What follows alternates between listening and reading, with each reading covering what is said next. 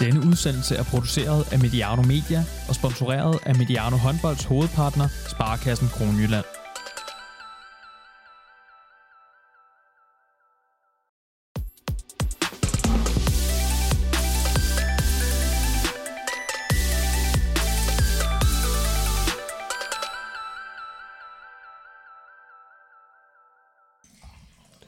Julen overstået. Alt er mørkt. Eksamener, jobstart. Mange grunde til at hænge lidt med mulen. Derfor er det altid rart, at der ligger en øh, herrestudrunde der venter i håndbold. Især når Danmark er godt i gang med at lægge grundstenene til et øh, mindre dynasti. I morgen starter EM-slutrunden, og her på falderæbet napper vi lige endnu en optakt. Vi skal snakke lidt om den nye struktur i forbindelse med, med slutrunden, dens betydning. Og så skal vi snakke lidt om, hvem der egentlig skal tro Danmark i kampen om guld, og hvordan øh, Danmark skal gribe det an og være de absolutte favoritter i mange øjne. Må ikke også, vi får afdækket andre temaer, øh, nu når jeg ved, hvem vi har på, øh, på besøg. Den ene er dig, Oliver Jørgensen. Du er igen med, øh, med under slutrunden. Øh, du behøver snart en præsentation, så lad mig i stedet spørge, om du virkelig ser Spanien som EM-favoritter, som, øh, som du bekendtgjorde tidligere dag på Twitter. Ja, ja, jeg ved ikke, om de er favoritter, men de er i hvert fald dem, jeg tror på, ind, står med, med guldet, når vi er færdige. Søren Hersken, du er, den, øh, du er den anden gæst endnu en gang med under slutrunden. Øh, det er fedt, vi har fået lov til at, at gøre brug af, af dig igen. Deler du øh, Olivers øh, optimisme omkring Spanien? Jeg synes, jeg har et godt hold, og jeg synes, det øh, for to år siden, øh, da de to trofæet sidste gang, nu er det svært at genvinde, men stadigvæk, altså jeg synes, det var på imponerende vis, og jeg synes, når vi kigger på, på deres kvaliteter, så øh, er de de mest komplette i forhold til både offensivt og defensivt. Øh, så hvis de kan få tingene til at køre på den høje, store klinge, så øh, synes jeg også, de har en god chance. Inden vi giver os i kast med at snakke om de forskellige hold, kunne jeg godt lige tænke mig at øh, høre jeres syn på den nye struktur. Øh, for lige kort at rise op, er der nu seks puljer med fire hold i hver. To hold går videre til, fra hver pulje går videre til en mellemrunde øh, som vi kender det fra tidligere, med seks hold i hver. Derefter er der så semifinal og finale. Så det er altså en turnering, der er udvidet med, med otte hold. Øh, kan det bære sådan rent kvalitetsmæssigt? Mm, altså, normalt har jeg egentlig synes, det har været super fedt, at EM modsat VM har været en turnering, hvor at øh, vi har snakket langt flere tætte kampe, og man, har skulle, man skulle være mere klar, øh, uanset hvilken modstander der står på den anden side. Og der kan det selvfølgelig godt ske, når, når vi har udvidet det med otte hold yderligere, at der måske kommer et par kampe undervejs, hvor, det, hvor der måske kan komme en, en snit eller to. Men derudover, så synes jeg, det er super fedt. Jeg synes, det er dejligt, at vi har fået otte europæiske hold mere med ind. Nogle flere, nogle flere spillere, vi kan, vi kan sidde og kigge på. Også et par stjerner, der spiller for nogle nationer, som normalt ikke er med. Så jeg synes, der er flere ting ved det, der der er rigtig fedt. Ja, nu nævner du selv de her, øh, de her stjerner. Man kan jo blandt andet nævne øh, Andy Smith, øh, hvad hedder det, Danis Kristopans fra, fra PSG, som, som spiller for, øh, for Letland. Øh, ja, det, bliver, det bliver vel spændende at se. Så nogle profiler lige pludselig kunne udfolde sig på, øh, på, ja, til de her slutrunder på de helt store scener. Ja, selvfølgelig. Altså, det, er, det er jo tit dem, vi får at se. Om vi så får dem at se så meget, det er jo spørgsmålet, fordi de nok bliver, mange af dem ryger hurtigt hjem, så, men, men, men nu er de med. Øh, og de er jo øh, brillante repræsentanter for sporten, og øh, forhåbentlig kan de være med til at, at udbrede håndbolden lidt i deres hjemland, fordi nu får de faktisk chancen for at blive, blive vist til sådan en slutrunde, og det er jo, tror jeg, også en stor del af, af udvidelsen her, fordi reelt er det jo en, at der er nogen, der vil opleve at få en ekstra kamp. Vi har jo stadig den store mellemrunde med, med 12 hold, så man kan sige, det var også 12 hold, der var i den gamle mellemrunde, så det er en, en der er i mange puljer, er der måske lige kommet en ekstra kamp ind, som er en lille smule svagere, end den var tidligere, altså svagere, ikke sværere, men en, hvor, hvor, hvor nogle af de gode hold får en lettere modstander der. Men derfra kan du så sige, der er turneringen jo faktisk den samme, som den tidligere har været.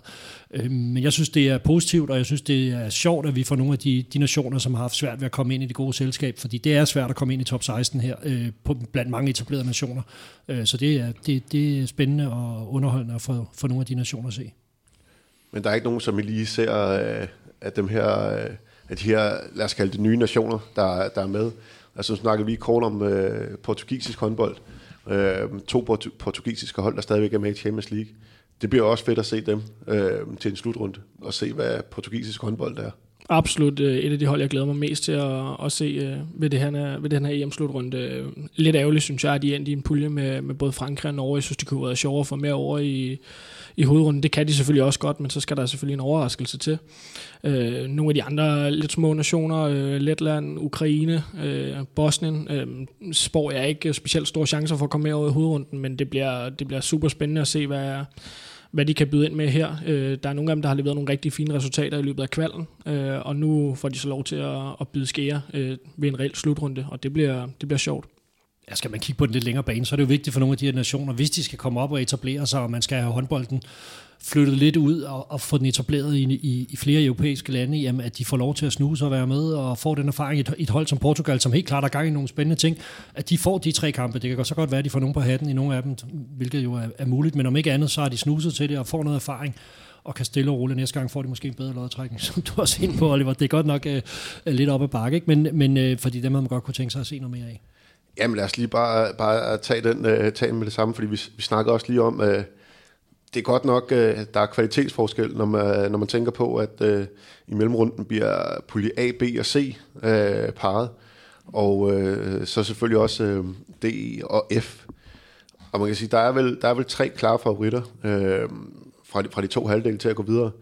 Uh, Tyskland, Spanien, uh, Kroatien i, i, i, de, uh, i de tre førstnævnte, og så, øh, ja, det er vel Frankrig, Frankrig, Danmark og Norge, hvis man kigger på D, e og F. Men så er der til gengæld, ud over de her tre, som jeg lige har nævnt, så er der altså Sverige, Rusland, Island, Portugal øh, i, den, eller i den halvdel også. Øh, og jeg ved ikke engang, om vi skal, vi, skal, vi skal nævne nogen fra den anden halvdel, fordi det er, det er, det er, ret, det er ret tyndt. Så på den, på den måde har, hvis vi tager de danske briller på, har det jo også været en lidt, lidt grim lodtrækning. Ja, ja, det kan man godt sige, der har været... Øh, selvfølgelig, vi får både øh, Norge og Sverige, som også er, er værtsnationer med over. Øhm, Frankrig er jo altid dygtig, øhm, og man kan sige, at Tyskland er lidt, øh, lidt ramt på, noget, på nogle skader. Øhm, Kroatien synes jeg heller ikke ser sådan helt vanvittigt giftig ud, så på den måde har vi måske været en lille smule uheldige, men ja, ved du hvad, det er en EM-slutrunde, vi skal, vi skal alligevel slå dem på et eller andet tidspunkt, så øh, jeg tror, det er okay, at vi får, får Norge, Frankrig og Sverige med over i vores, øh, vores mellemrunde. Vi skal, vi skal, det skal vi kunne gå videre fra alligevel.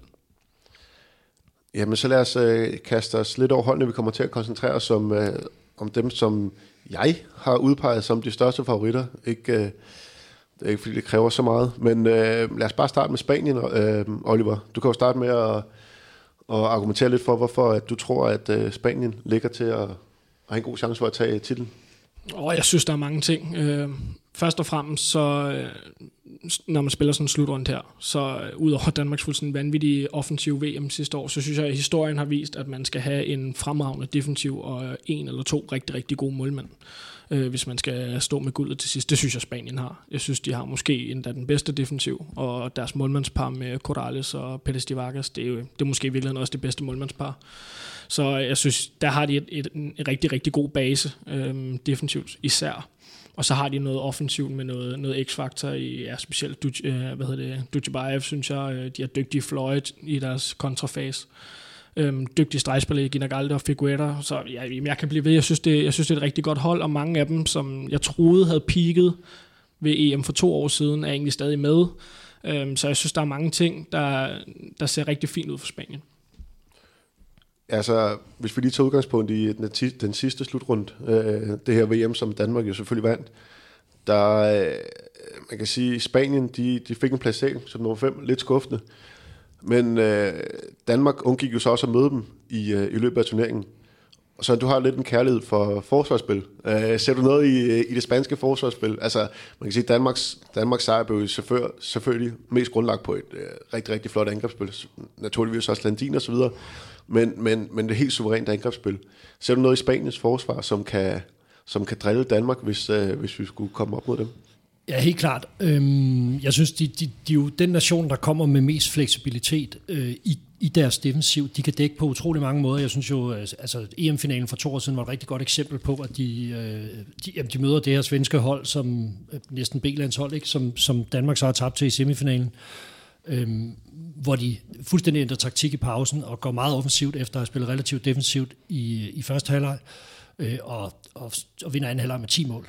På, på at have den her fleksibilitet i deres forsvarsspil, at de, de er meget bevægelige, de er meget øh, dynamiske, de kan, de kan gøre mange ting, og der kan man sige, det er jo måske noget af det, som kan blive svært for Danmark, det er, hvis vi lige pludselig møder nogen, som er svære at læse, og hvor, hvor nogen, der tør gå lidt mere op i banen og, og kan matche øh, øh, vores spillere rent fysisk øh, på bevægelighed i virkeligheden mere, men ikke er så afventende, hvor vi har vi, vi scoret mange mål, og så, men så skal vi så huske på, så har vi stadig 7 mod 6, øh, som vi er relativt gode til, og som jo helt klart vil være et, et, et godt våben mod Spanien, hvis de begynder at dække sådan her. Ikke? Øh, men de er et af de hold, som, som har mange strenge defensivt at spille på, og som Oliver også helt korrekt nævner, er et af de bedste målmandspar, som, og man bør ikke have et godt par, man skal bare have en, der står rigtig godt.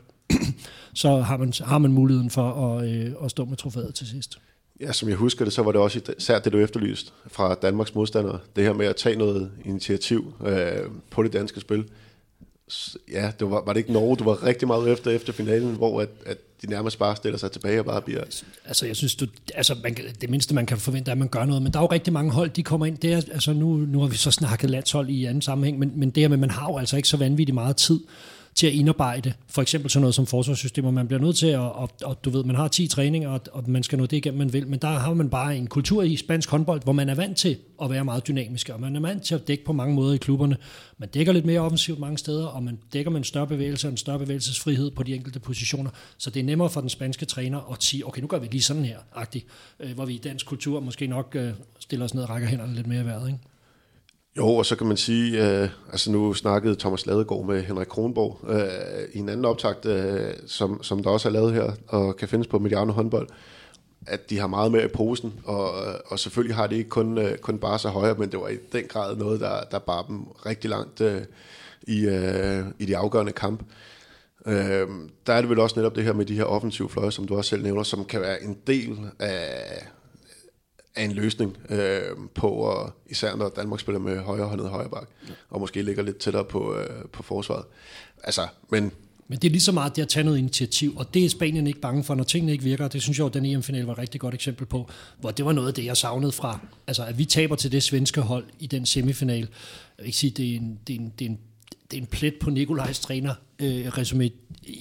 Det, det er voldsomt, men jeg vil sige, det savnede jeg jo, man gjorde i sådan en kamp, hvor man kan se, at tingene ikke fungerer. Hvorfor, hvorfor står vi så og dækker på samme måde hele kampen? Hvorfor gør vi ikke noget mere? Ligesom Spanien, der så siger, prøv det her går ikke, så risikerer vi at tabe den her kamp. Nu gør vi sådan her, dum, dum, dum, og så fangede man fuldstændig øh, det svenske hold med øh, shortsene ned om manglerne, og så blev de ellers bare trumlet over i anden halvleg, fordi man tog noget initiativ og havde nogle muligheder rent defensivt. Nu har vi snakket meget lidt, øh, nu har vi snakket lidt øh, forsvar. Øh, hvad er det, Spanien kan i angreb? Du nævnte selv et par navne, øh, Oliver. Øh, hvor, hvor, hvor højt rangerer du deres øh, angrebsspil, hvis, hvis vi kigger udelukkende på det, på det stationære? Mm. Er, de, er, de, er, de, er de gode nok der også til at kunne...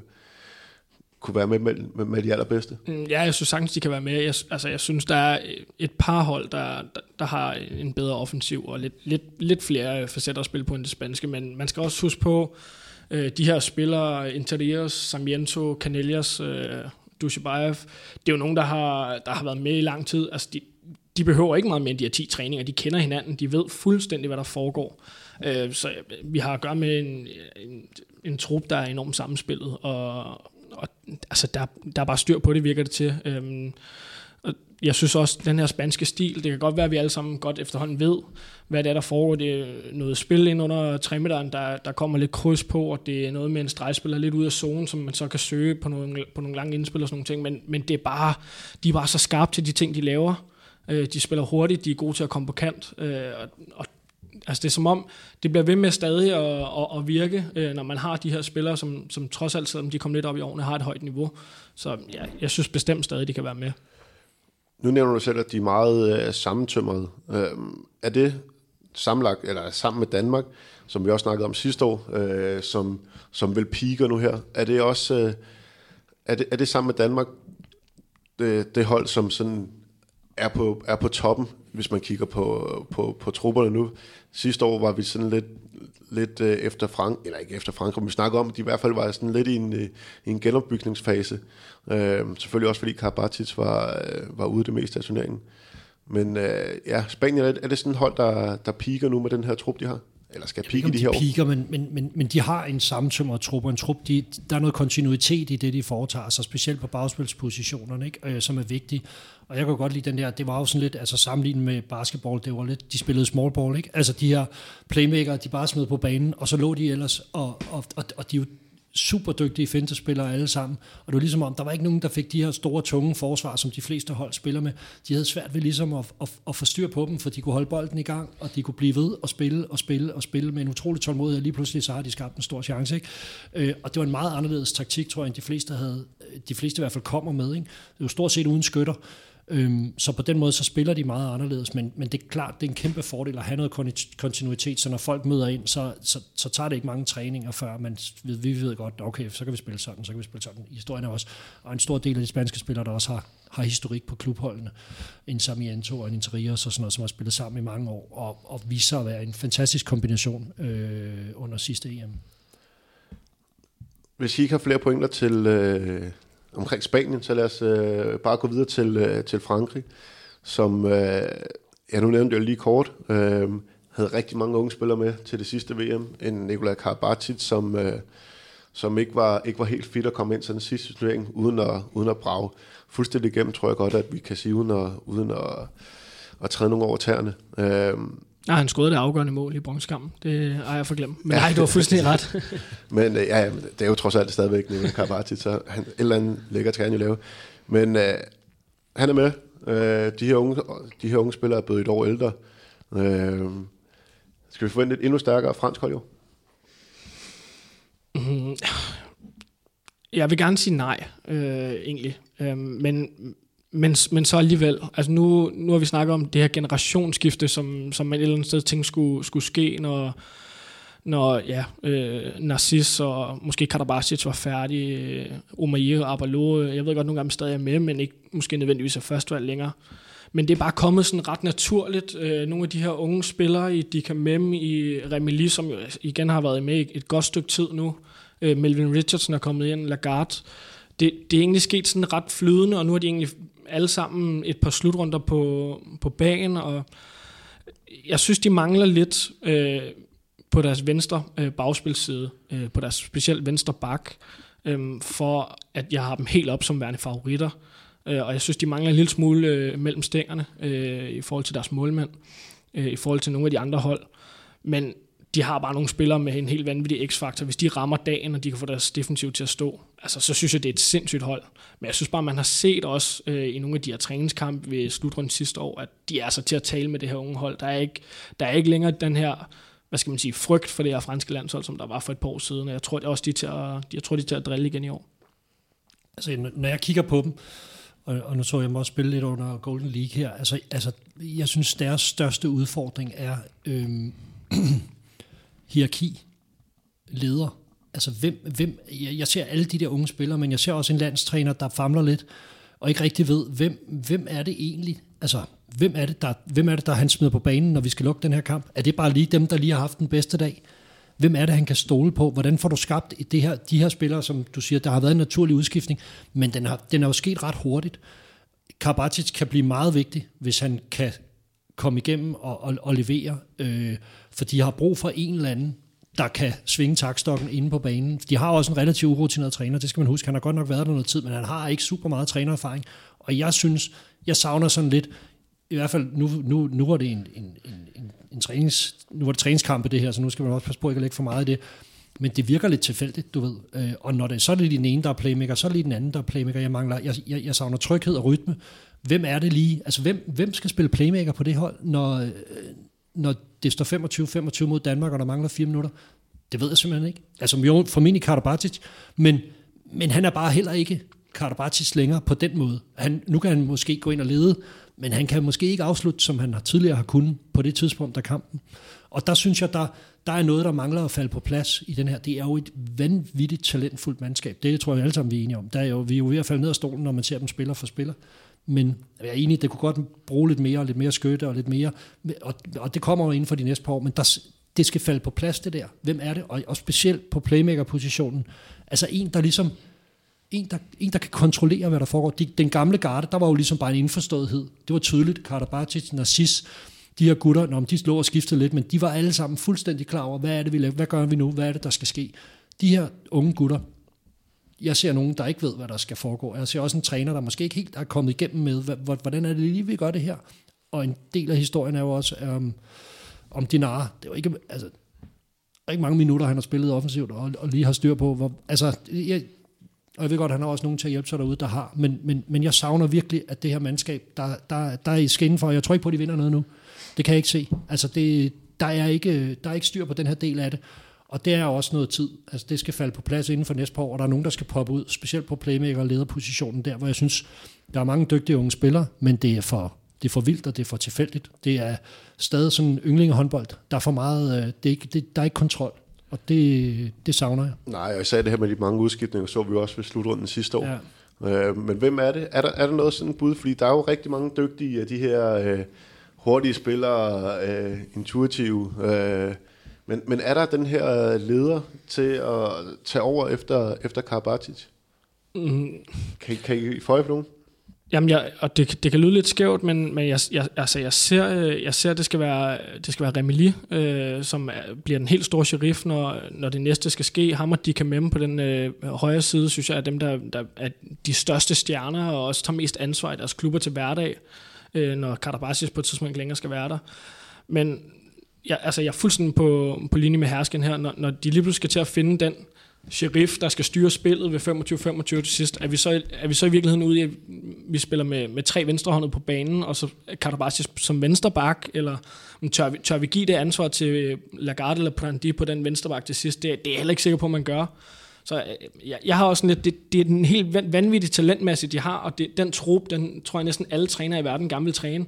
Men, men igen, når man skal stå til sidst og skal vinde, så kan jeg også godt se, at der måske kommer en lille smule. Og så vil jeg bare lige, lige sige, det at Luka, Luka Karabacic er med til at skal stå ind i det træer forsvar, det tror jeg kan blive rigtig, rigtig dyrt for dem. Ja, der har de også helt klart en udfordring. Og så kan jeg sige, på målmandspositionen er de Moshirat helt klart i mine øjne er ham, der skal steppe op og, og, og levere, øh, hvilket han også gør indimellem. Men, men hvis forsvaret er en lille smule shaky, så, så, så får de heller ikke ham med. Altså, det, det gør de ikke. Nu vi snakker om øh, ledende og samlende figurer, så øh, Norge kommer til at mangle Bjarte Myrhold øh, på et, øh, ligesom Frankrig, rigtig, rigtig ungt hold, som vi, øh, som vi så spille en rigtig flot øh, VM-slutrunde. Og lad os bare starte med, med, med Bjarte. Øh, hvor meget betyder det, at han, øh, at han er ude? Altså, jeg hørte en øh, norsk podcast, som var, øh, som også, øh, hvor de snakker om de norske chancer. De var, øh, de var virkelig, virkelig bekymrede for, for det her fravær af, af Bjarte. Især lidt, lidt i stil, som vi snakker om med, med Karabatic, som den her samlende, samlende figur. Øh, jeg, jeg er den overbevisning, at, at ja, han er en virkelig dygtig spiller, og øh, han er jo øh, ja, hjertet, hjerteblodet, og sikkert også det samlende uden for banen og sådan noget, men, men, men jeg, jeg er faktisk lidt mindre bekymret for sådan et hold som dem, der allerede har prøvet så meget. Det er jo ikke kun ham, der har stået i de her finaler, øh, og ganske vist har de tabt dem, men, men, men de har været der. Øh, det er sådan lidt, når han ikke er der, så, har jeg det sådan, så er der nogle andre, der stepper op. Sådan er det jo en gang imellem. Så er der en, der bliver skadet, eller en, der stopper, og så kommer der nogle nye og lurer mig, om der ikke er nogen, der nok skal have, være bredskulder nok i den trup der til at sige, okay, gutter, nu, øh, nu er han der ikke, nu, nu gør vi lige sådan her. Agtigt. Øhm, det må vi se, men jeg synes, de har, en, jeg, jeg synes, de har mange gode spillere, og de har god kvalitet i deres trup, så, så, så jeg vil, så bekymret er jeg ikke for, at, at niveauet daler drastisk for det norske hold. Om de, om de, de er selvfølgelig et sted, hvor de hver eneste gang vil være i spil som, til at kunne vinde en, en turnering. Om de gør det nu, så, det må vi se, men altså, vi har jo lige set uh, Hollands uh, damer vinde en slutrunde uden deres bedste spiller. Altså, så det var sådan lidt, altså, det sker jo, øh, fordi der så opstår noget nyt, og der er nogle andre, der kommer op, og måske i virkeligheden får noget mere plads, øh, som kan gavne holdet på, på, på andre parametre. Jeg må være sige, jeg er en lille smule øh, mere lunken øh, med Norge, øh, end, end, end hersken er her. En ting er Myrhold. Jeg vil sige, hvis jeg skulle pege på, på nogle spillere i den norske trup, der der vil være værre at miste en, øh, en Myrhold, så tror jeg kun, jeg kunne pege på Sargosen. Øhm, og det er jo både, både det, som vi snakker om med at være en leder og være samlingspunktet, men også, også det, han, han betyder for dem, når han er på banen. Det er ikke, fordi han laver 10 mål, men han, han er afgørende i begge ender. Øh, ja, der er mange ting med ham. Så en anden ting, det er, at de spiller ikke sådan sønderligt bredt, oplever jeg. Der er nogle nøglespillere, som har haft en lang og hård sæson øh, indtil videre, øh, specielt i Bundesligaen, og, og er blevet trykket hårdt og virker måske en lille smule mærket allerede nu, halvt igennem øh, den her sæson. Og det, jeg har det bare sådan lidt, hvis det skal være, hvis det skal være Sargosen, og det skal være O'Sullivan, og så Magnus Rød, som også har været en lille smule plader skader, der skal løfte i, ja hvad, 8, 9, 10 kampe, så tror jeg, at de kan blive presset, når, når det skal afgøres senere hen i, i den her turnering. Der, der, der synes jeg, der er et par af de andre hold, der har en større bredde end Norge har. Jeg nævner selv Magnus Rød, øh, som lige pludselig er gået fra at være sådan semi-ukendt øh, øh, sidste år, øh, til virkelig at være steppet ind på den helt store scene, både for landshold og for klubhold. Men så har de jo en, øh, en, øh, en regnkind. Altså sidste år, der snakkede vi om, hvor gode Norge var, inden, inden til den, hvor gode Norge var på højre bak. Og der nævnte vi ikke Magnus Rød. Øh, altså, de har jo stadigvæk nogle, nogle øh, rigtig, rigtig dygtige, dygtige højrebacks. Øh, er det, er det, ja, Reinken, kan, kan han få sådan en lille, øh, nu har vi haft nogle forventninger til ham i nogle år efterhånden. Øh, fordi som du selv siger, det er, det, altså det er Sargosen, og det er, altså det er, det er på få spillere, øh, som, ja, Oh, men jeg synes, de har meget kvalitet i deres trup generelt. Altså det, det, det, det, og de kan skifte ud bedre end mange andre hold kan. Altså med, og, og det er jo så spørgsmålet, hvad snakker vi om, at de skal op og vinde? Eller snakker vi om, at de skal komme pænt langt i den her turnering? Er det medaljer, vi snakker om? Jeg tror heller ikke på, at Norge vinder. Øhm, men, men det havde jeg heller ikke gjort, hvis, bare, hvis, hvis Mørehold var der i princippet. Så, så, øhm, men det betyder ikke, at de ikke kan gøre det selvfølgelig. Altså, jeg synes, at de har, en, de, de, de har bevist, men omvendt, så kan de lige så godt være blevet de sidste EM, blev de syver, ikke, tror jeg, eller sådan noget lignende, hvor, hvor tingene ikke lige flaskede sig. Altså, så, så, så det er jo ikke fordi, det død og pigen ligger deroppe, og, og konkurrencen er hård, og falder man lige 3% fra, jamen så, så tager man hurtigt de der par kampe, som gør, at man, man ender nede i subdagen. Lad os, øh, lad os lige hoppe over til naboerne. Øh, Sverige, nu har jeg taget dem med. Personligt har jeg ikke sådan de store, øh, store forventninger til dem, men de ligger trods alt... Øh, de, de har et bedre hold, end de havde i semifinalen og finalen sidste år. Det er trods alt nummer to. Ja, men det, men det, det, kan, det kan der ikke være nogen tvivl om. Ja, men så er jeg glad for, at jeg har taget dem med, trods alt, så hvis det skulle ske, så, øh, så er jeg garderet lidt, lidt, lidt på den måde. Men hvem er det, der skal, hvem er det, der lige pludselig skal brage igennem for, for Sverige? Øh, hvor, hvor, hvor skal de hente optimismen? Øh, der er nogle fløje, der er, der, der er forsvundet. Øh, Kim Andersson, ikke? Han havde en stor rolle, men også en, der er væk. Ekberg har, har sagt stop. Øh, de har et godt målmandspar, det kan man sige. Det er jo altid en god, øh, det er jo altid en god base. Hvad, hvad ellers, Oliver? Hvor, øh, hvor, hvor har Sverige... Øh, Jamen, de har, er, er de det defensivt? Jamen, det er nemlig, det er også defensivt, jeg, jeg vil pege på. Øh, jeg synes, det er jo en klassisk flad 6-0, som svenskerne har dækket en milliard år. Øh, men de er sindssygt gode, øh, både Appelgren og Palliger, til at stå inde bag det der 6-0 forsvar. Øh, når de har Max Steg til at stå ind og styre det, de har nogle toer, der dækker rigtig, rigtig glimrende op. Øh, øhm, så synes jeg faktisk, de, de er et af de hold, der står aller, aller øh, stærkest defensivt. Og det skal være det, der skal bære dem, fordi jeg synes, når de kommer op i den anden ende, øh, og, og de skal kigge over mod Lukas Nielsen og, og Kim Ekdal, så synes jeg, der er mange andre hold, der, der står skarpere offensivt, end de gør. Øhm, så specielt deres defensiv, hvis de skal nå rigtig langt, skal, skal virkelig, virkelig stå skarpt. Og så er det jo sådan et, altså, det viste de jo til sidste EM, de finder jo nogle sjove huller nogle gange, og kan holde gang i kampene på, på, på, på kollektivet. Altså, på, så er der lige en, der laver to, og så er der lige en, der laver to, og så er det fandme en fløj, der laver nogen. Og så, altså, altså de, de har bare en eller anden, øh, det viste de i hvert fald, altså synes jeg, de har vist, at de, at de har noget, øh, noget modstand. Altså, de, de tror på det, selvom det faktisk ser håbløst ud. Tænk, at de vandt den semifinal mod Danmark. Altså, det, altså det, jeg havde slået op i banen for længe siden. Hvis det var mig, altså sådan, når man groft sagt, at gå ind der og, og tro på, at med, den, med det mandskab, vi har til rådighed her, der kan være en for at slå Danmark, øh, og så gøre det, ikke? Øhm, fordi selv Danmark troede jo ikke på, at de kunne tabe den kamp, lignede det i hvert fald, ikke? Altså, så det, det, der har de jo et eller andet, at de, de trives, tror jeg, det hold der er egentlig okay i underdog, ikke for mange forventninger, og de, de mangler jo profilerne til, at vi snakker om dem på allerhøjeste mm. niveau, men de har defensiven, og de har målmændene, der måske er deres største profiler.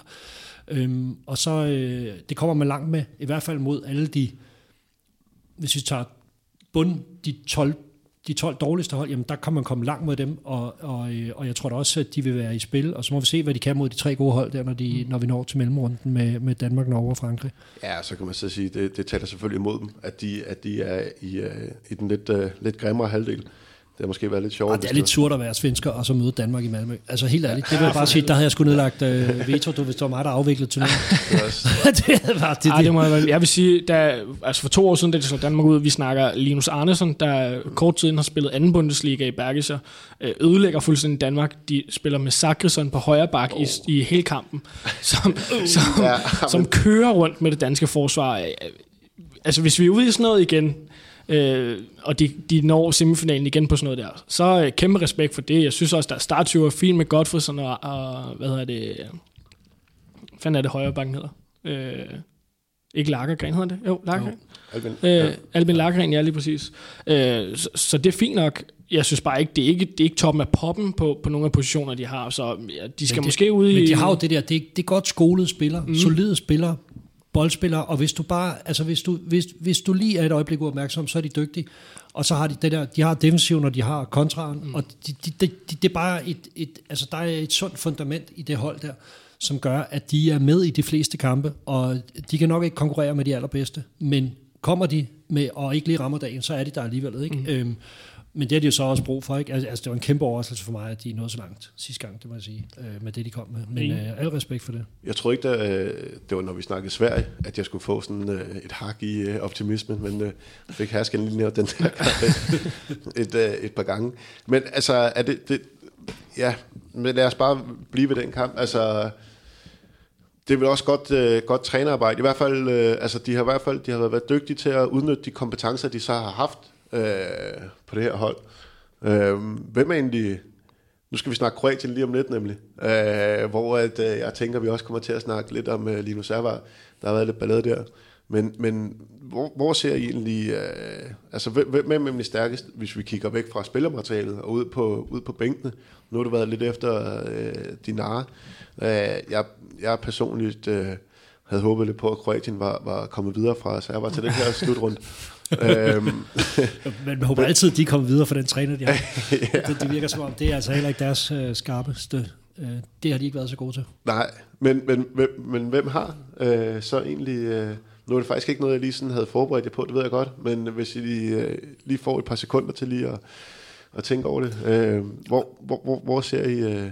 Jeg synes jo, at, øh, at vores øh, spanske ven, han har, han har jo bevist i hvert fald, at øh, til sidste EM, at, at, at han, har, han tør tage noget initiativ, og han tør, tør, tør agere i kampene, øh, og han har også muligheden for det med den trup og de kompetencer, som hans spillere har. Øh, jeg synes jo også, at vi har en fantastisk træner, Nikolaj, har øh, specielt på den offensive del, virkelig, virkelig, virkelig godt styr på det. Jeg synes jo, Øhm, og jeg ved godt, at da vi, vi, er, vi er allerede øh, ude i stratosfæren med, med Nikolaj, men men som jeg også øh, har nævnt, vi har lavet en podcast tidligere i dag, så synes jeg også bare, at jeg vil gerne se noget mere fra ham, fordi jeg synes jo, den første slutrunde for to år siden, det, der synes jeg, det var lidt skuffende, og der taber vi jo faktisk den semifinal, på grund af, synes jeg, at vi ikke, vi, vi får ikke omstillet vores defensiv i forhold til det, svenskerne kommer med der. Og det er jo sådan lidt en, en, en det, det der behov for på den lange bane, det, var ikke, det blev ikke nødvendigt på hjemmebane til VM, fordi vi scorede så afsindigt mange mål, og måske også havde nogle relativt gode betingelser for at gøre det, når man er på hjemmebane og så videre. Men man kan sige, opstår der kampe, hvor vi har brug for, at defensivt træder i karakter, og hvor vi skal, vi skal, vi skal foretage taktiske dispositioner for at vinde kampene defensivt, jamen, men, men det skal vi kunne. Øh, og det, øh, det, det håber jeg, det er noget, Nikolaj har, øh, altså man kan sige, øh, nu, nu hverken, og det er ikke for at forklare vores, jeg, jeg elsker forsvar, det ved jeg, men, men altså vi har jo et trænerteam, der ikke har, det, det, er ikke meget, de har dækket op, vel? Altså øh, Nikolaj og, og Henrik Kronborg, det kan jeg godt afsløre. Så, så man kan sige, men det, det, er jo, det er jo bare en vigtig del af spillet, og der er nogle ting, som vi skal have styr på, fordi man kan ende i situationer, som for eksempel den kamp, hvor man ikke scorer mål nok, og så skal man redde det dernede. Og, og det håber jeg, de har, øh, har fokus på, og, øh, fordi jeg synes også, vi har muligheden med, med nogle af de spillere, vi har i den danske trup. Ja, jeg, jeg, jeg, det kan jeg godt tilslutte, men jeg synes nu, vi er ganske privilegerede øh, i Danmark med at have Nikolaj Jacobsen og Henrik Kronborg. Øh, Nikolaj Jakobsen, som er sindssygt dygtig øh, på, på at skabe et mandskab, og mandskabsplejen, og Henrik Kronborg, som er den her taktiske øh, nørd, øh, geni, vil nogen måske endda kalde ham, er sindssygt god på, på, på, hvad der lige skal ske, og god til at læse, hvad der foregår inde på banen. Øh, jeg er fuldstændig enig også, Johnny Ribera, øh, den, den spanske træner, har vist sindssygt mange gange, han er... Han er også bare en mega rutineret fyr, han har prøvet så meget. Det er han ikke så, altså det er jo, det er jo også klasse. Jeg, jeg, jeg vil sige, jeg er spændt på at se, øh, hvordan Christian Berger og Børge Lund, de, de kommer til at håndtere øh, en situation, hvor de er presset, og lad os sige, Sargosen måske ikke kommer i gang. Lidt af finalen øh, ved VM, hvor vi forholdsvis tidligt får stikket Sander. Om, hvad, hvad bliver alternativet? Tør man tage ham ud? Tør man måske lægge ham ind på playmakeren, og så prøve at sætte spillet lidt mere over mod, mod Rød og, og Gøtteren? Øh, tør han at tage noget defensiv øh, hvad skal man sige, action, når deres forsvar, hvor Sullivan også tit skal hjem og dække i midten nu, hvor, specielt hvor Bjarne ikke er med. Hvad, har, han, har han nogle alternativer til, når, når, når starteren ikke fungerer? Det, det er jeg spændt på at se. Øhm, men, men ja, jeg, jeg, synes, øh, jeg synes egentlig, vi specielt på det danske landshold er, er fint besat ude på den trænerposition. Ja, nu øh, snakkede lidt om det før. Nu gider jeg ikke øh, spørge, hvor I står i den her Lino Servat-debat, fordi det kunne jeg næsten se og høre øh, på. Ja, men det er jo lidt, altså, altså for lige at vente den hurtigt, fordi det, ja, vi har jo den holdning, at det, synes, det er prøvet, ikke? Øh, og det, det løb burde også være kørt.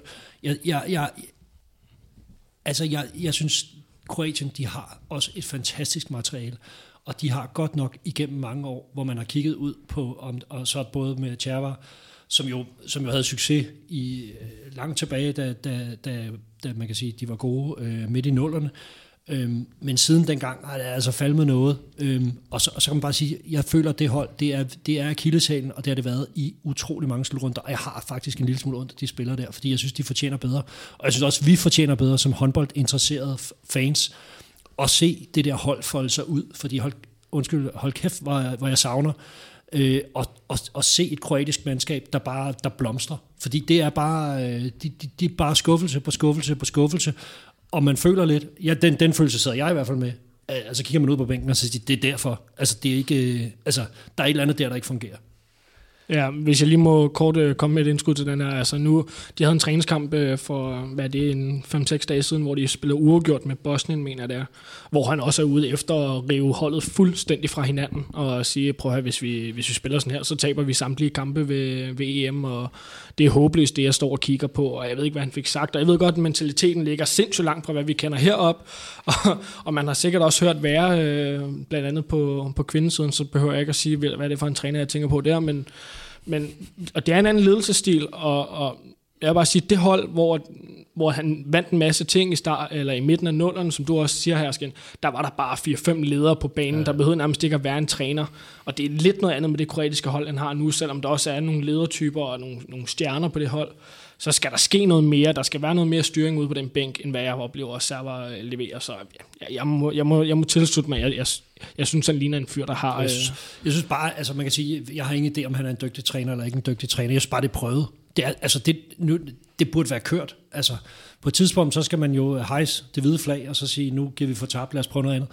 Altså, øh, nu har vi lige snakket Claus Broen, og det kan også være, det var det. Ikke? Så på, på et eller andet tidspunkt, så, så bærer det tomt. Så, altså, og så kan det godt være, at det er en god træner, og det er nogle gode spillere. Det, de virker bare ikke mere. Altså, der, der skal noget tro ind på det. Tror de her kroatiske spillere virkelig på, at de kan tage ned og præstere med ham på bænken stadigvæk? Altså, det vil bare sige, det, hvis jeg var spiller, så var jeg stået af. Øhm.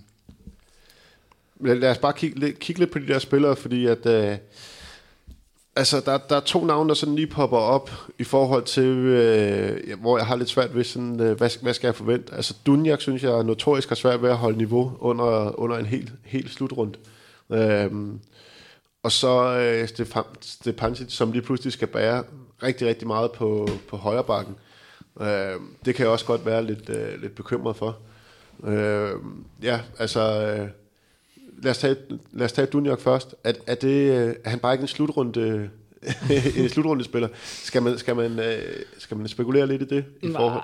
altså nu skal der også siges med Dunjak, han har været uheldig ved både altså ved et par slutrunder at blive skadet enten lige inden eller under første kamp, eller øh, et eller andet fuldstændig vanvittigt. Øh, men nej, han er jo heller ikke typen, der passer på sig selv, hverken øh, i sæsonen, når, når den er i gang. Så det er jo ofte også en, en Dunjak, der kommer til en slutrunde, og måske ikke er top, top klar til det. Øhm, jeg vil så sige, ved, ved VM, der praktiserede de jo det 7 mod 6 spil i, ja, jeg ved ikke, hvor lang tid i løbet af kampene. Øhm, og det var også en måde at passe på stjernerne, så de ikke øh, blev pumpet så meget. Og nu hvor de kun har Stepancic med på den her højre bak, så kunne jeg sagtens forestille mig, at de kommer til at ty rigtig, rigtig meget til det her 7 mod 6, også for at passe lidt på ham. Øh, og de har typen, der kan spille det med, med Karasic, øh, Sendric og Dunjak, øh, og nogle dygtige stregspillere. Så jeg jeg ved ikke, om de bliver presset på ressourcer, men jeg siger bare, at jeg, de er et hold, der er dygtige til at spille der 7 mod 6, og jeg tror, de kan finde på at ty til det ret meget. Ja, vi så det jo øh, så det sidste år i den her Makedonien-kamp, som føltes som om den varede øh, et, øh, et, Sygt 7 mod 6 orke. ja, jeg ved ikke, hvem der har siddet der og savlet over det. Det kan jeg ikke til at vide. Men det... Nej, men det, det gjorde jeg faktisk lidt. Ikke, ikke så meget på grund af spillet, men fordi Kroatien faktisk vandt en kamp. Jeg har en, øh, en lille, øh, en lille forkæderlighed for dem, øh, og der var jeg vist også lidt for hurtig med at, ja. med at sige, nå, for fanden, nu vinder de måske helt lortet. Det gjorde de overhovedet ikke. Øh, men ja, altså ikke rigtig nogen... Øh, noget nyt sådan omkring øh, Kroatien? Nej, jeg synes, at det, det, det, som du rigtig nævner, altså øh, Duvnak, han er, altså hele hans spillestil og hele hans, altså øh, den, øh, der er også noget alder i det, tror jeg ikke. Altså du, du, altså, du kan ikke spille på den måde øh, med den alder, han har. Det er ligesom om, han er, han er ikke tilpasset. Altså på et tidspunkt, det er jo en meget naturligt flow i sådan en karriere, som han har haft. Jamen, der kan du leve på noget fysik, når du er ung, og så skal du blive mere og mere intelligent på spillet, og så skal du stille og roligt falde over i og kunne nogle andre ting. Dit skud bliver svagere, din hurtighed bliver mindre. Alle de her ting, det kommer jo langsomt. Det er jo små procenter, vi snakker om, men så skal man gerne bevæge sig væk. Og det, den spillestil, han har, den er så voldsom, og den er så baseret på, på hans fysik, at, at i dels bliver han mere og mere skadet, øh, og dels vil han få svært svært ved at få succes med det. Men han er nok også en spiller, der kræver meget af tid for at få det til at fungere. Altså, så det er jo ikke bare med, jeg tror ikke, man kan spille ham 10 minutter de første tre kampe, og så og vente med at fyre ham af. Så virker det heller ikke rigtigt, og han vil også blive utilfreds med, at han ikke får spilletid. Og sådan. Der er en masse, altså, det er jo nogle af de der ting, du skal kunne håndtere, som Lino Tjerva til overhovedet ikke har styr på. Øhm, med, at, med at finde ud af at få, få dynamikken til at fungere i truppen. Så jeg, jeg, jeg synes også, han har, skuffet, men, men de sidste par slutrunder, men, men, men også en kan jeg godt se hvorfor, fordi det, det, det er ikke ham. Altså, det er ikke, det er ikke ham at spille øh, 10 kampe på 16 dage eller meget der, ikke? Altså, det, det, det er simpelthen ikke, øh, det passer ikke til ham. Tyskland skal vi også lige runde. Øh, også et hold med mange skader, men øh, det er vi efterhånden ved at være vant til. Øh, og der skal nok også komme nogen i løbet af, af slutrunden. Øh, I forhold til sidste år, øh, som sagt mange skader. De er ikke på hjemmebane. Øh, leder de ret højt på øh, ved sidste slutrunde.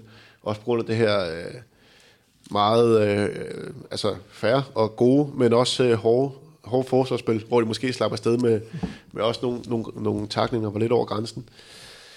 Det har tyskerne altid gjort. ja. ja.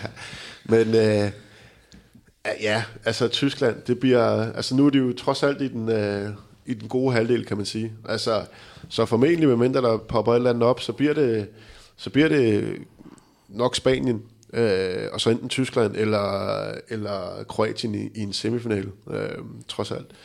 Øh, så du, har du andre bedre bud? Nej, det, det tror jeg, det gør. Altså, jeg, jeg ser Spanien som værende jeg vil ikke sige stensikker, men, men, men det vil være en kæmpe overraskelse, hvis ikke de kommer frem til den semifinale med den modstand, de har derovre. Jeg synes, de er klart det bedste mandskab. Øhm, men så sagt, altså vi ved også, altså topniveauet fra Tyskland og, øh, kan være rigtig godt, og de har et, et stærkt, en, en, de er jo lidt ligesom svenskerne, sådan et kollektivt indstillet mandskab med, med, med, med mange spillere på samme niveau, øh, og, og, og, og kommer det til at fungere. Øh, god defensiv, øh, god målmand. God målmand ja. altså, altså de der samme kvaliteter og et farligt mandskab, som på dagen kan slå hvem som helst, øh, men til gengæld også på de dage, hvor det ikke rigtig fungerer, kan, kan, kan måske også smide nogle, nogle, nogle ansvarlige point. Ikke?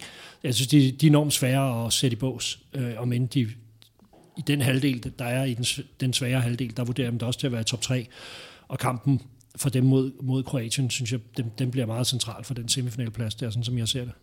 Så det bliver, en, det, det bliver et brag. Altså, det, det gør det. Jeg tænker, vi også lige skal nå at snakke Danmark.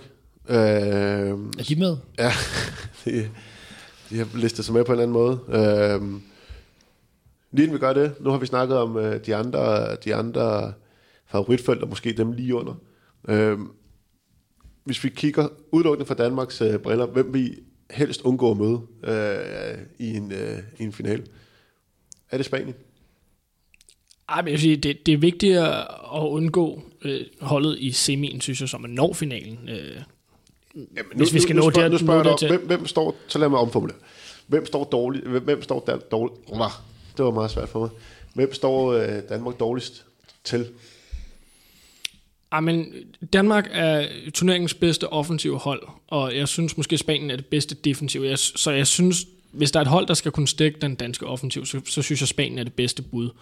Øhm, så jeg vil sige, generelt synes jeg også, det er det bedste hold for den anden halvdel.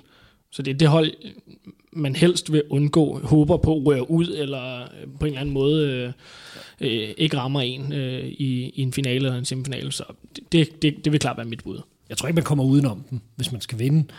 Øhm, selvfølgelig kan de tabe i den anden semifinal, men, men, men jeg synes, at de, altså, det, det, det er et hold, der sagtens kan gå hele vejen, ligesom Danmark. Øhm, og så har jeg det sådan lidt, hvis, jeg, hvis vi så snakker Tyskland og Kroatien, altså, så, så vil jeg helt klart foretrække mod Kroatien. Dem kan jeg ikke se, vi taber til. Altså helt ærligt, dem kan vi ikke tabe til. Der, der er simpelthen bare for stor forskel. Altså der er vi, for, vi er for gode, og de er for, vi er for smarte, og, og de er for dumme. Undskyld mig, sådan lidt, øh, det, det er lidt for tegnet. Men der er vi bare bedre på alle parametre, synes jeg. Mens tyskerne har noget defensivt også, og, og, og, og kan sætte en eller anden defensiv op, der kan sætte en kæppe i hjulet for Danmark, og de har en målmand, der kan stå en kamp som out of this world. Så det, det, det, det, dem vil jeg også faktisk helst, altså hvis vi skal snakke længere ned i rækken, så, så, så vil det være fint at undgå dem. Og kunne kroaterne spille sig forbi tyskerne, ville det da være fantastisk. Eller et andet hold kan overraske derovre. Det er jo heller ikke helt utænkeligt. Jamen, Danmark kommer jo... Øh, ja, altså sidste gang vi sådan så dem til en slutrunde, der var de jo... Øh, er måske noget af det bedste angrebshold. Jeg har i hvert fald har oplevet, det kan være noget andet for dig her, Skin. Du har en del flere år på banen. men, øh, men, men sådan, øh, især da, da, da det skulle afgøres, det var jo øh, nærmest øh, uden fejl og med, med stor effektivitet.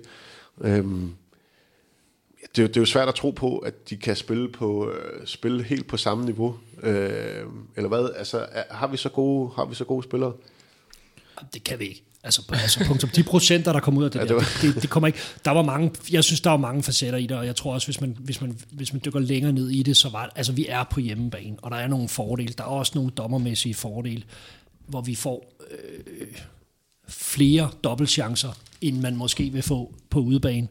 Der var mange frikast til Danmark, som var sådan på, du ved, på kanten, men sådan er det jo at være på hjemmebane. Og, og historien VM, specielt i VM, er bare, at der er øh, hjemmebanefordelen betragteligt større, end den er i, øh, til en EM-slutrunde. Man kan ikke, hvad var det, 78 procent af vores angreb, vi scorede på i et eller andet, jeg kan ikke engang huske, hvad det var. helt, helt, helt, helt, helt sort, ikke? Men, men, men, men vi spiller godt angrebsspil, og, og, og nu snakker vi kontinuitet. Det er en trup med folk, der har efterhånden spillet sammen i, i lang tid, øh, Mikkel Hansen ligner en spiller, der øh, ser godt ud.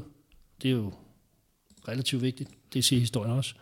Øhm, så jeg synes, at hele fundamentet er på plads offensivt til igen at kunne levere noget på et rigtig, rigtig højt niveau. Øh, så, øh, men men øh, det, man skal ikke tage det for givet. Altså. Jeg vil sige, jeg synes, der er, en, der er, en, der er nogle små ting, øh, for jeg, jeg er også helt på linje. Jeg synes faktisk, Danmark er måske virkelig de største favoritter.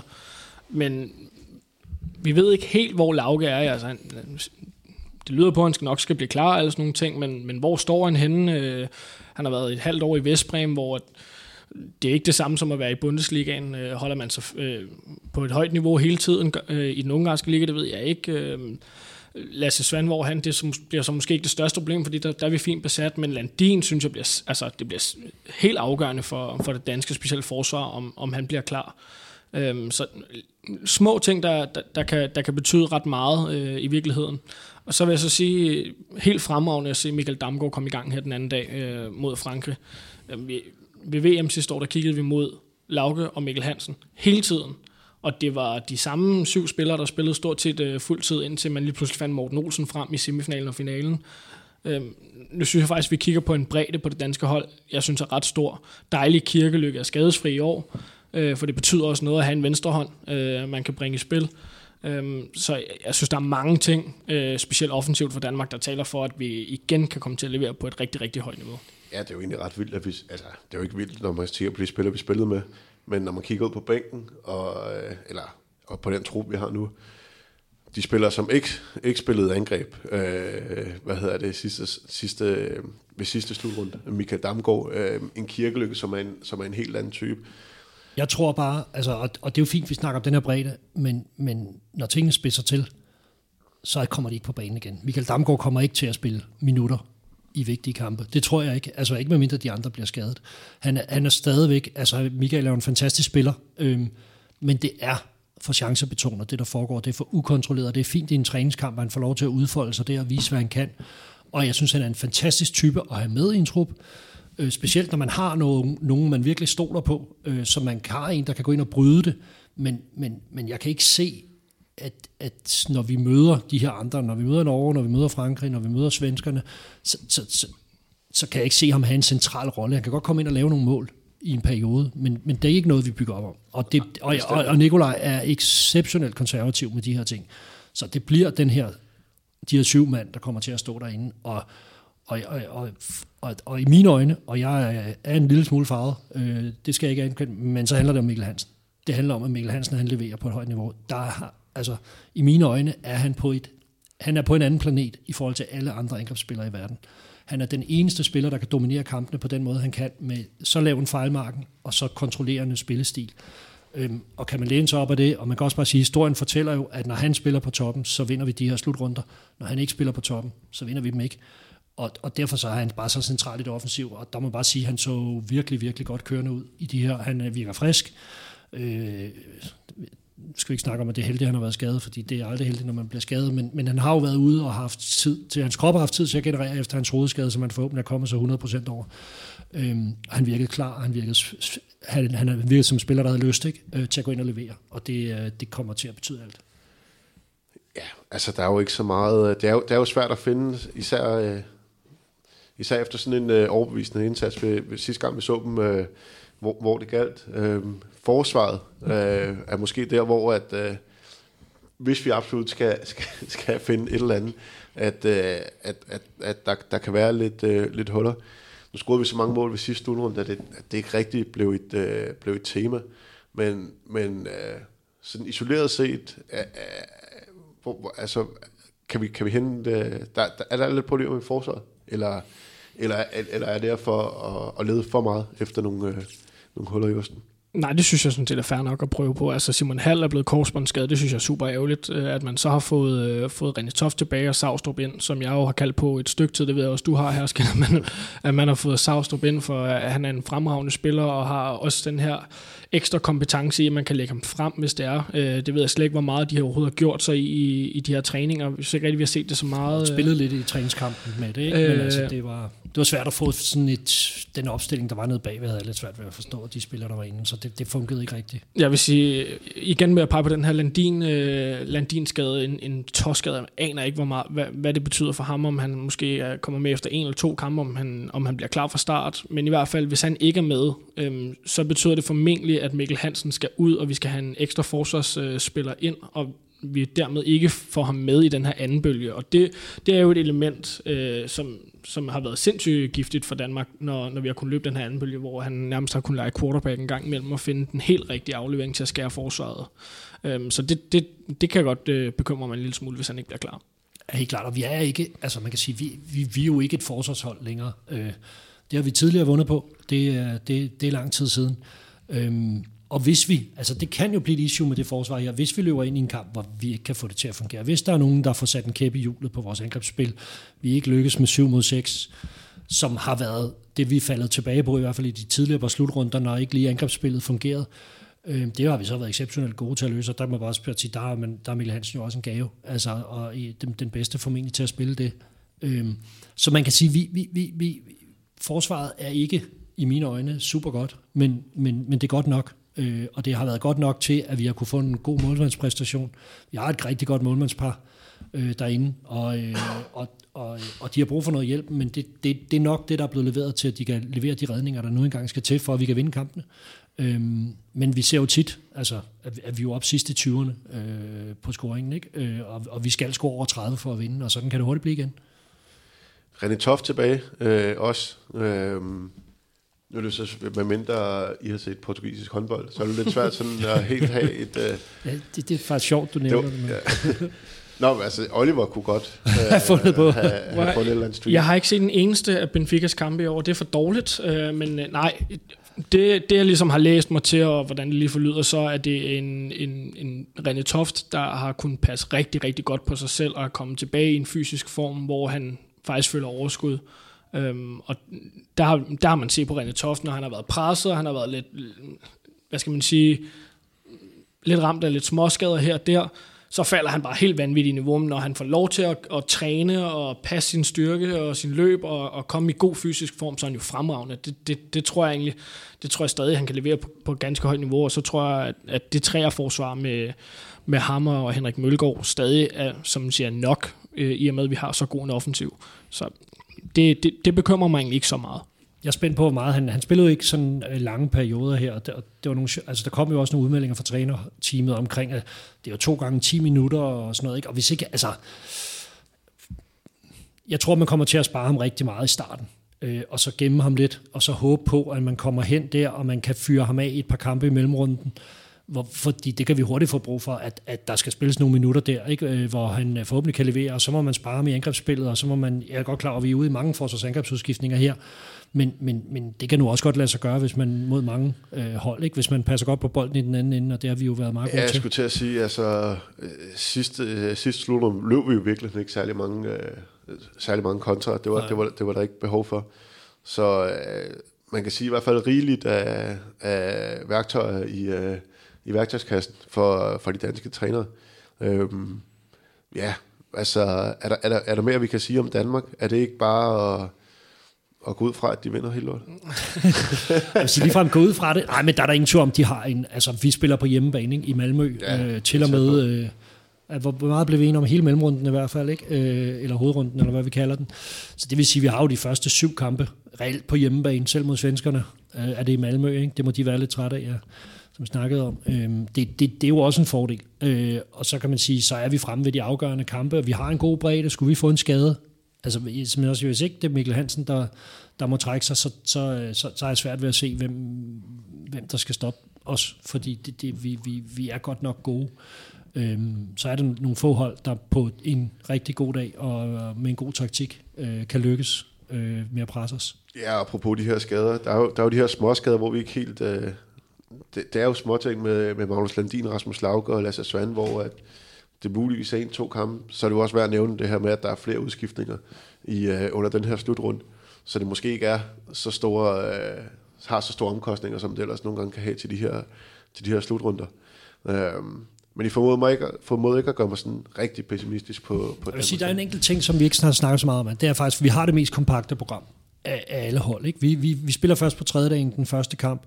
Vi er den halvdel, hvor vi spiller tirsdag, onsdag, før man går over og spiller fredag, søndag. Så, så man har også lige fire kampe på seks dage til at slutte af på. Øhm, der, altså, vi, vi, man skal have noget overskud der, når man når til de sidste dage, og der, der kan sådan noget jo være, at de, der lige flytter en procent eller to, øh, hvis der er trukket store veksler på spillerne. Og vi har også en relativt hård mellemrunde med nogle kampe, hvor, som, som der ligger der. Som, som, øh, vi har tre hårde kampe i den mellemrunde, hvor der virkelig skal leveres, og formentlig fire jo. Der kommer vel også et andet hold, øh, et fjerde hold, som også gerne vil være med. Ikke? Øh, og vi tager det også bare for givet nu, at vi går videre med, med fuld pointantal og sådan noget. Ikke? Altså det, vi skal også huske, der er også andre hold, der gerne vil vinde, og, og danske landshold har spillet en dårlig kamp før. Nu vi tabte til Tjekkiet sidste mm. slutrunde, ikke? Altså sådan lidt ud af det blå, og ingen, den havde ingen set komme øh, tidligt i turneringen. Og det her, den her turneringsform, den, den, jeg ved ikke, om den er anderledes, fordi man møder jo alle hold i mellemrunden, så det er i princippet det samme. Men, men vi er en hård halvdel. Og der er ikke plads til at, at, at, at træde så meget af. Man kan nok tabe en kamp. Men, ja, nu, nu, nu gentager jeg måske mig selv, men, altså, men, men, men man kan hurtigt øh, kigge ind i en, øh, i en, øh, en turnering ind, hvor vi inden semifinalen skal møde Frankrig, Norge, Rusland, øh, Slovenien, Sverige. Øh, altså, der er sådan nogle hold, der, der Island. har... Island. Mm. Og vi har ikke nogen lette kampe. Altså det kan vi også bare sige. Vi har jo en pulje, hvor vi, hvor vi er favoritter i alle kampe. Men, men, men det er jo ikke nogen hemmelighed. Vi har før tabt til Ungarn. Vi har før tabt til Rusland. Vi har før tabt til... Altså på en dårlig dag, der kan du godt lægge en kamp der. Altså hvis ikke lige er der og, og, og så videre. Men jeg tror og håber, at vi har så meget respekt for modstanderen, fordi det er næsten det, det og når jeg kigger tilbage på det EM for to år siden, hvor vi tabte den famøse semifinale der, det, der kan jo heller ikke lade være med at tænke på, at det er en undervurdering. Altså vi kom ikke til den kamp med den indstilling, vi burde have. Øh, og det var derfor, vi tabte den et eller andet sted, fordi det, det er jo ikke hold, vi kan tabe til. Øh, men det er igen det, der kan være lidt farligt, når man har tre sådan lidt semibløde kampe der til at starte med, og man kan, man, man, man kan være uheldig at smide en, og det, det kan blive dyrt. Ja, det kan, det, kan, det kan jo være svært ikke at være rigtig optimistisk, når man har spillet sådan en, uh, sådan en slutrunde. Nej, jeg synes, altså det der med VM på hjemmebane, jeg kan bare sige, at uh, hvad var det, jeg har tænkt, at i 20 år, ikke, der er et hold, der har vundet VM på udebane, og det er Frankrig, de har så gjort det mange gange. Men, men altså, øhm, det, det, der er nogle, altså, og den historik er der bare ikke ved EM. Det er anderledes. Øhm, der er nogle dynamikker, jeg gider ikke engang gå ind i det, fordi det er en lang politisk snak om øh, alt muligt, der foregår på og uden for banen.